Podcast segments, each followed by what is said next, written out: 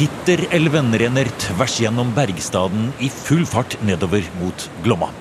Og det er på mange måter vannkraften i denne elven som gjorde at smelteverket for kobber ble lagt akkurat her midt på 1600-tallet. Egentlig en nokså merkelig ting i et landskap av store fjellvidder på 600 meters høyde. Nei, altså her I området her før verket sin tid, så var det jo kanskje en seks til åtte gårder. Og det var også litt sånn setervirksomhet for, eh, for nabobygdene, altså Åren og Os. Og vi har selvfølgelig spor av samisk eh, historie her òg, og det finnes også noe jernutvinningsanlegg. Men, men det, det, var ikke veldig mye aktivitet her. Men så ble det da funnet malm, og det her var jo noe som uh, kongen da på den tida, Kristian Kvart, oppfordra jo folk til å gå ut og lete etter malm, og han trua jo også med straff for den som ikke anmeldte malmfunn. da. Mm. Og uh, for at Han ønska jo selvfølgelig å bygge opp en sterk uh, militær stat. sant? Og det Bergverksdrifta i Norge skulle jo bidra til det. sant? For at kongen og staten fikk jo Eh, en, tiende av, eh, en tiendedel av kobberet, og han fikk tollinntekter og han fikk kjøpe billig kobber og sånne ting. For man trengte jo kobber til eh, bl.a. våpenindustri og i tak og i prydting og, og, sånne ting. Så det var, var, stor etterspørsel etter kobber på, i, i, Europa på 1600-tallet. Mm. Så her ble det anlagt da en, en liten by. Mm. Erik Roll er selv fra Røros og er nå fagkonsulent og historiker på Rørosmuseet. Og det er jo en veldig spennende historie i seg selv, hvordan denne nyanlagte gruvebyen skyter i været i en urolig tid med stadige kriger for Danmark-Norge. Herjedalen er jo nærmeste nabo på det som etter hvert ble svensk side av grensen. Og det manglet heller ikke på finanspolitiske intriger rundt pantsettelse av privilegier og landområder som følge av en krigskasse som alltid var uten bunn i København. Men på tross av, eller kanskje på grunn av alt dette, vokste Røros med rekordfart på slutten av 1600-tallet. Ja, altså I jeg tror i 1682 så finnes det tall på at da var det vel en 300-400 eh, ansatte ved Røros kobberverk. Sant? Og det er jo bare ansatte ved verket. Sant? Så da da, det er klart at da bodde jo flere mennesker her òg. Mm. Så det her ble jo planlagt, og, og hele Bergstaden ble jo tegne, planlagt på tegnebrettet. Mm. Men det er jo altså da ikke her forekomstene forekomsten av malm er. Nei, Nei altså man legger byen her.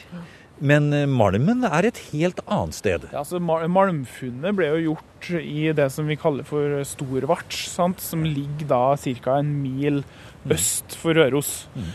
Og vi har også det her Nordgruvefeltet. Sant? Sextus og Kongens og det området der som ligger litt nord for Røros. Mm. Men smeltehytta ble jo lagt her på Røros pga. sikkert av at det her var uh, vannkraft. Altså man hadde Hitteelva her og hadde kraft da, til å drive de vasshjulene som trengtes for å smelte. Fordi at det å hente inn malmen, kjøre den hit i milevis, da, ja. som du sier, eh, veldig arbeidskrevende ja. selvfølgelig prosess. Mm. Det betød ingenting, for arbeidskraft var billig. Ja. Mm. Og var det, var det et ja, helvete å jobbe her?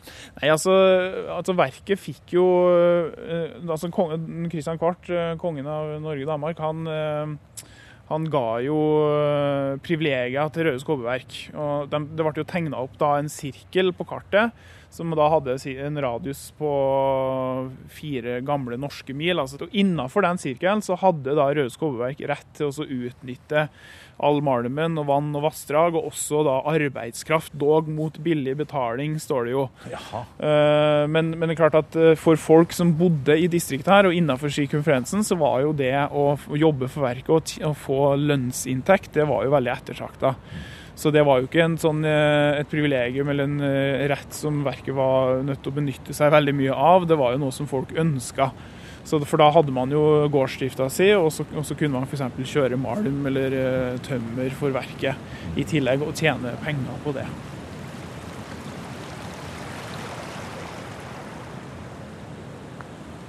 De enorme slagghaugene ligger der som en mektig påminnelse om at kobberverket på Røros holdt det gående i 330 år, til det hele stanset i 1977. Smeltehytta brant ned på 50-tallet og er gjenoppbygd som et flott museum, hvor man bl.a. kan se en imponerende helt ny utstilling om den legendariske antikvaren og kunstneren Sverre Ødegård, som mer enn noen annen enkeltperson har dokumentert kulturminnet Røros. Og kanskje også kan ta litt av æren for at byen og hele sirkumferensen i dag er stolt plassert på Unescos verdensarvliste. Et eget lite program om Ødegård-utstillingen ligger nå på museums podkastsider.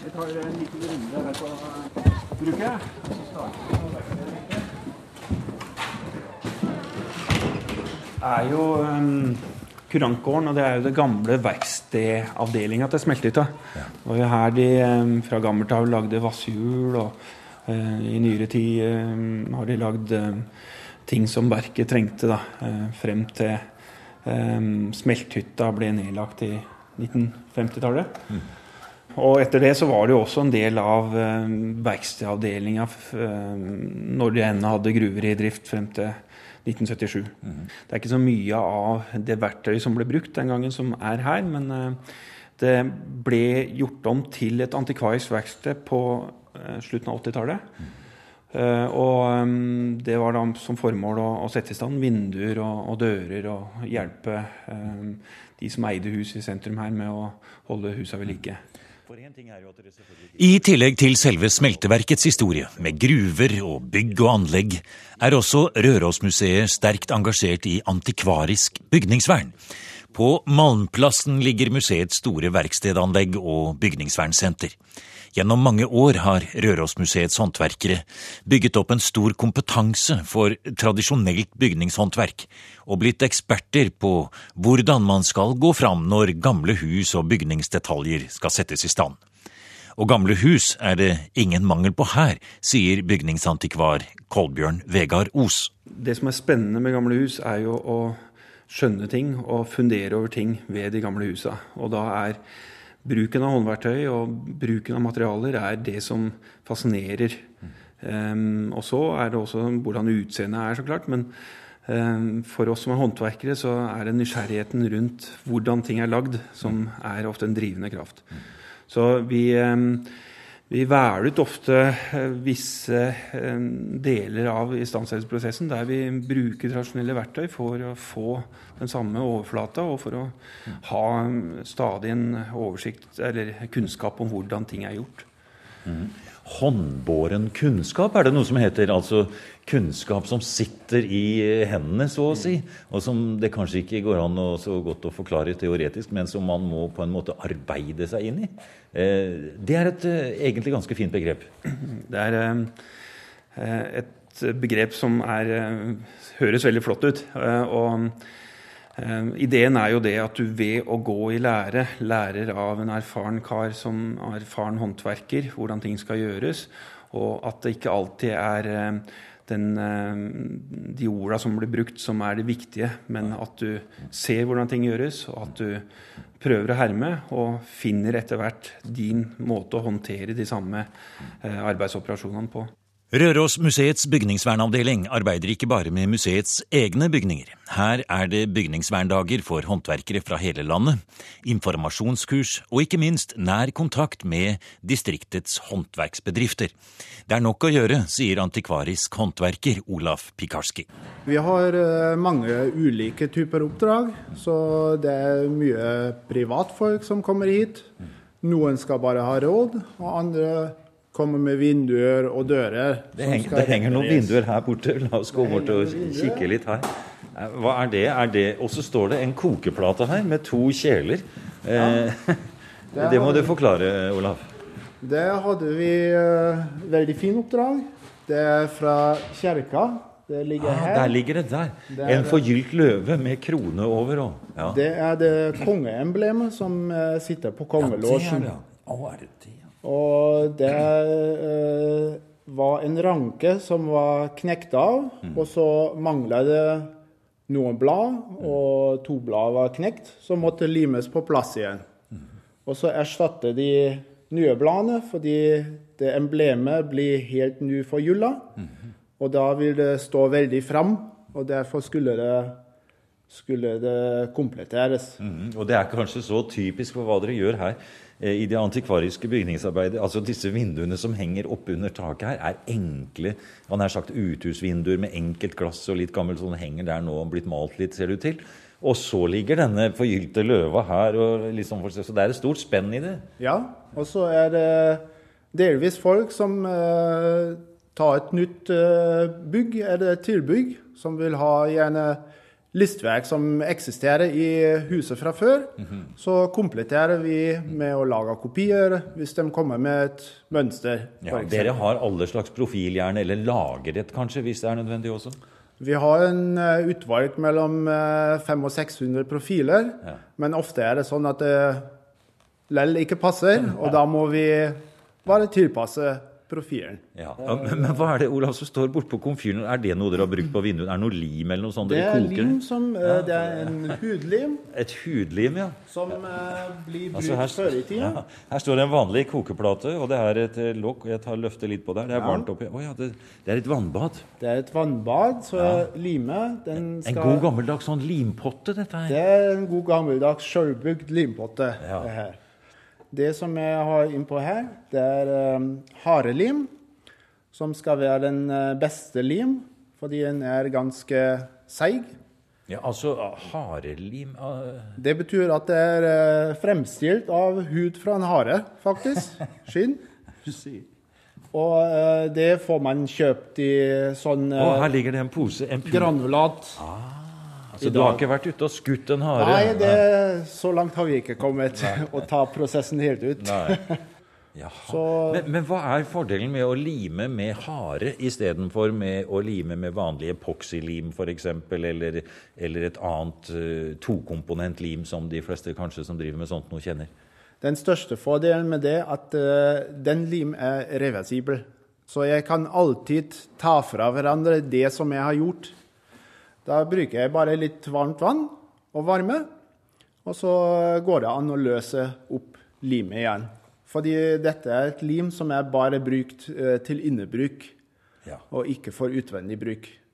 Jeg vet ikke om jeg syns det høres så bra ut at du skal ta det fra hverandre igjen. For når noe først er limt sammen, så skal det vel være sammen, vel? Ja, men vi ser jo, så for ja, eksempel ja, der, på, på, det kongeemblemet her, ja.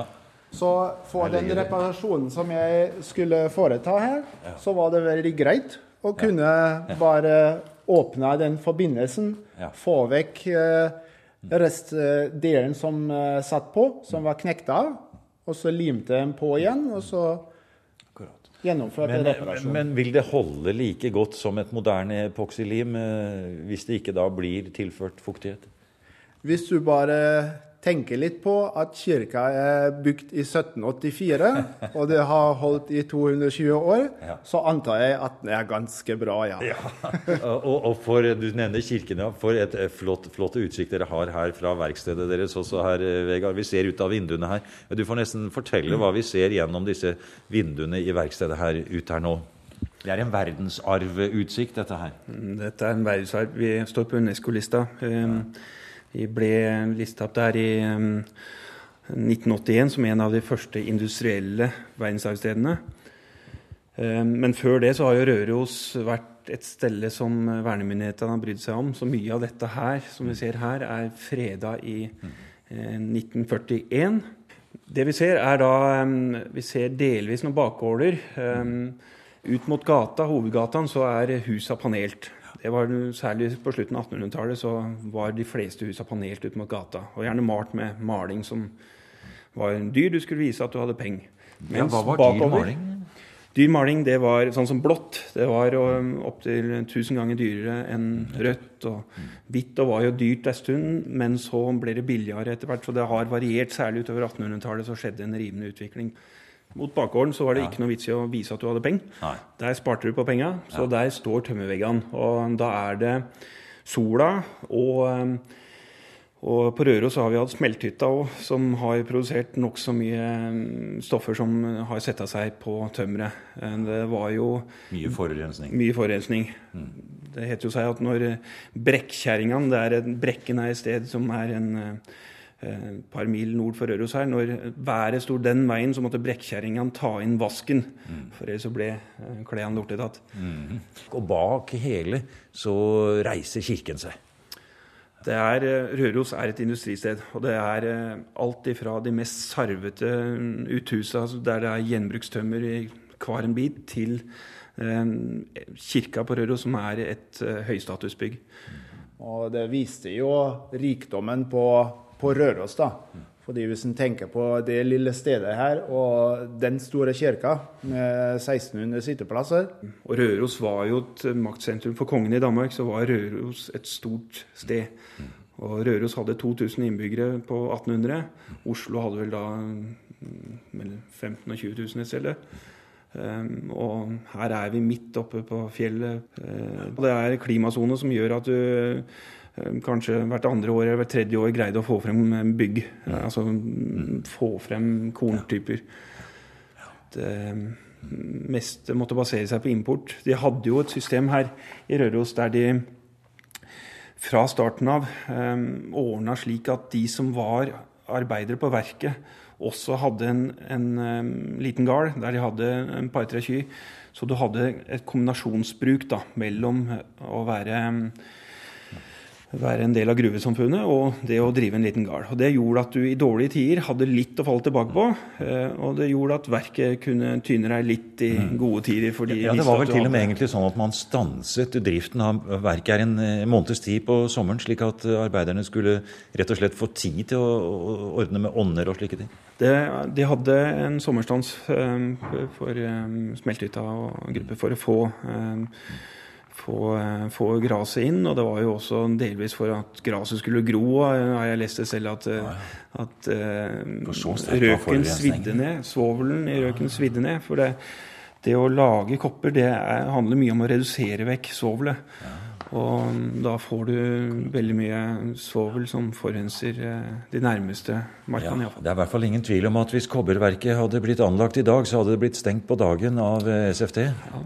Det er uh, fare for det. Ja. Men jeg har jo hatt litt sånn moro med at uh, kulturminneforvalter på Røros i kommunen han hadde en idé en gang om å sette opp en diger sånn røkskorstein for å bare lage en haug med røk. fordi at kulturminner skal jo ikke bare være overflater du ser på. Det skal jo være litt lukt, det skal være litt uh, hestemøkk, det skal være litt smaker. Det skal være ting som, som bygger videre på det som står der av bygninger.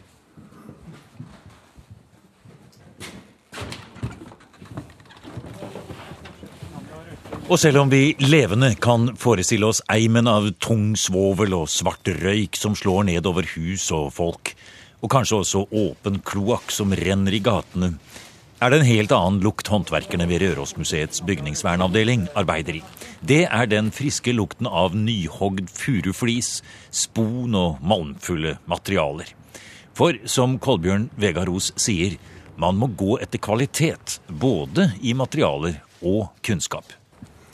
Det, å drive på med kulturminner, det, eller iallfall særlig bygninger, da, det er å bygge opp kunnskap rundt husa. Og være undersøkende og synes at ting er spennende.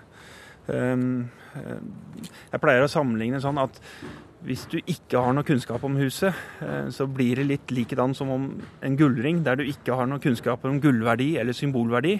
Da blir den gullringen bare en dårlig stoppskive. Og eh, det er eh, litt av det samme med bygninger, der du uten kunnskap om Det handler både om, om strukturelle, hvordan huset skal stå trygt. Eh, det handler om utseendebiter, altså estetiske biten. Og det handler også litt om det å, å, å skjønne det økonomiske her. For det, det, er veldig ofte at du eh, i prosesser Der en håndverker går inn eh, Eh, på en jobb vil eh, oppleve at huseier kanskje er veldig bekymra for om ting står, om dette holder. og, og Det er råteskader og ser stygt ut, men eh, det er ikke alltid det betyr at du må gjøre så mye. Den store massen av bygninger i Norge er ikke de freda husa. Altså Den store massen av bygninger er, er de som gårdbrukere eier, er de som står i sentrum på Røros. Og, og det er den store massen av antikvariske bygninger i Norge. Og de har eh, fått nøren støtteordninger i senere tid. Du har Kulturminnefondet, som du kan søke om penger til å gjøre ting. Du har eh, SMIL-midler, altså landbruket eh, som gir midler til istandsetting. Men, men eh, for å få gjort ting, så er det to ting du trenger. Det er materialer, og det er en håndverker. Mm. og da helst med eh, bra kvalitet av begge to. Mm. Og Det vi eh, på Bygningsvernsenteret og Rørosmiljøet har eh, fått i gang de siste 15 åra, det, det, er å skape et håndverkermiljø mm. som kan håndtere den type bygninger. Vår erfaring er jo også at en håndverker kan være vel så dyktig og i den samtalen med en huseier, da, der du ønsker en antikvarisk perspektiv på en istandsetting, der du ønsker at ting skal tas vare på. og da er en håndverker eh, som en, en, samtalepartner til huseieren, den kan være mye dyktigere enn en antikvar kan være.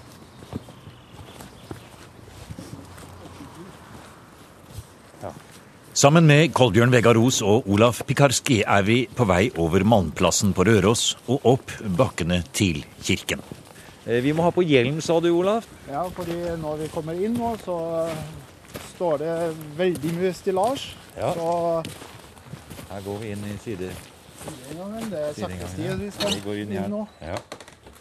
Hele kirkerommet er for det første tømt for benker og annet inventar, ser vi. Og det er et virvar av eh, stillaser her nå, da. Stålstillaser som står gjennom hele kirkerommet her. Helt fullt, eh, og da forstår vi jo at bl.a. taket skal eh, gjøres noe med her. Taket er allerede ferdig, ja. så en del stillasj er allerede plukket ned. Mm. Og veggene er ferdig malt, og så vinduene. Så Den siste restaureringen av Røros kirke skjedde i 1960 med datidens teknikker. Og nå er et stort arbeid i gang med å utbedre tørkeskader og råte, og ikke minst rengjøre og retusjere de malte flatene. Riksantikvaren satte ut hele det omfattende arbeidet på anbud, og nå er det en rekke firmaer som jobber side ved side, fra NIKU og private entreprenører til Nasjonalmuseet i København. De fikk anbudet på den konservatorjobben, den retusjeringa av marmoreringa og renskejobben. Ja. Men dere samarbeider jo også med dem, og dere har andre deler av anbudet? Vi, hadde, vi har fått den anbu, uh, anbudsdelen som er snekkerjobben. Og det går utover hele inventaret. Mm. Og så er det en uh, tømmerdel som er gulv, og det er uh, Kjellmark som, mm, som, tok den. Ja. Så her er det et typisk eksempel på et, ja, for å si det rett ut, et markedsmessig kommersielt samarbeid mellom private firmaer og museet. Riktig. Ja. Ja. det er jo bra. Ja, ja. Nei, det, og det har fungert veldig godt. Ja. Så kommunikasjon og samarbeid det fungerte veldig bra. Ja. Det jobbet vi har her nå i Røders kirke, er et veldig stort og viktig jobb for oss. Og første gang vi jobber i den skala i Norge. Konservator Vinni Odder fra Nasjonalmuseets bevaringsavdeling i København forteller at deres del av anbudet strekker seg over to måneder, med opptil ti konservatorer i sving hver uke. Jeg ser, Hvis vi ser her borte, så sitter en av kollegaene dine og renser Nei, hun legger på bladgull, ser det ut til. Ja, det er det vi holder på med her borte. Det er så spennende. Ja. Dette her er jo liksom kremen av kremen. Ja.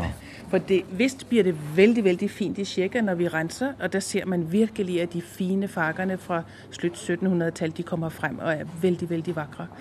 Men det som man har valgt i den dekor som opprinnelig er i kirken, det er at totalt er det dominert av de blå marmoreringer, og så visse plasser er der liksom sånn pang, noen ting som er trukket frem med gull. Blått, grått og gull en blek, men nyansert glans av det høye.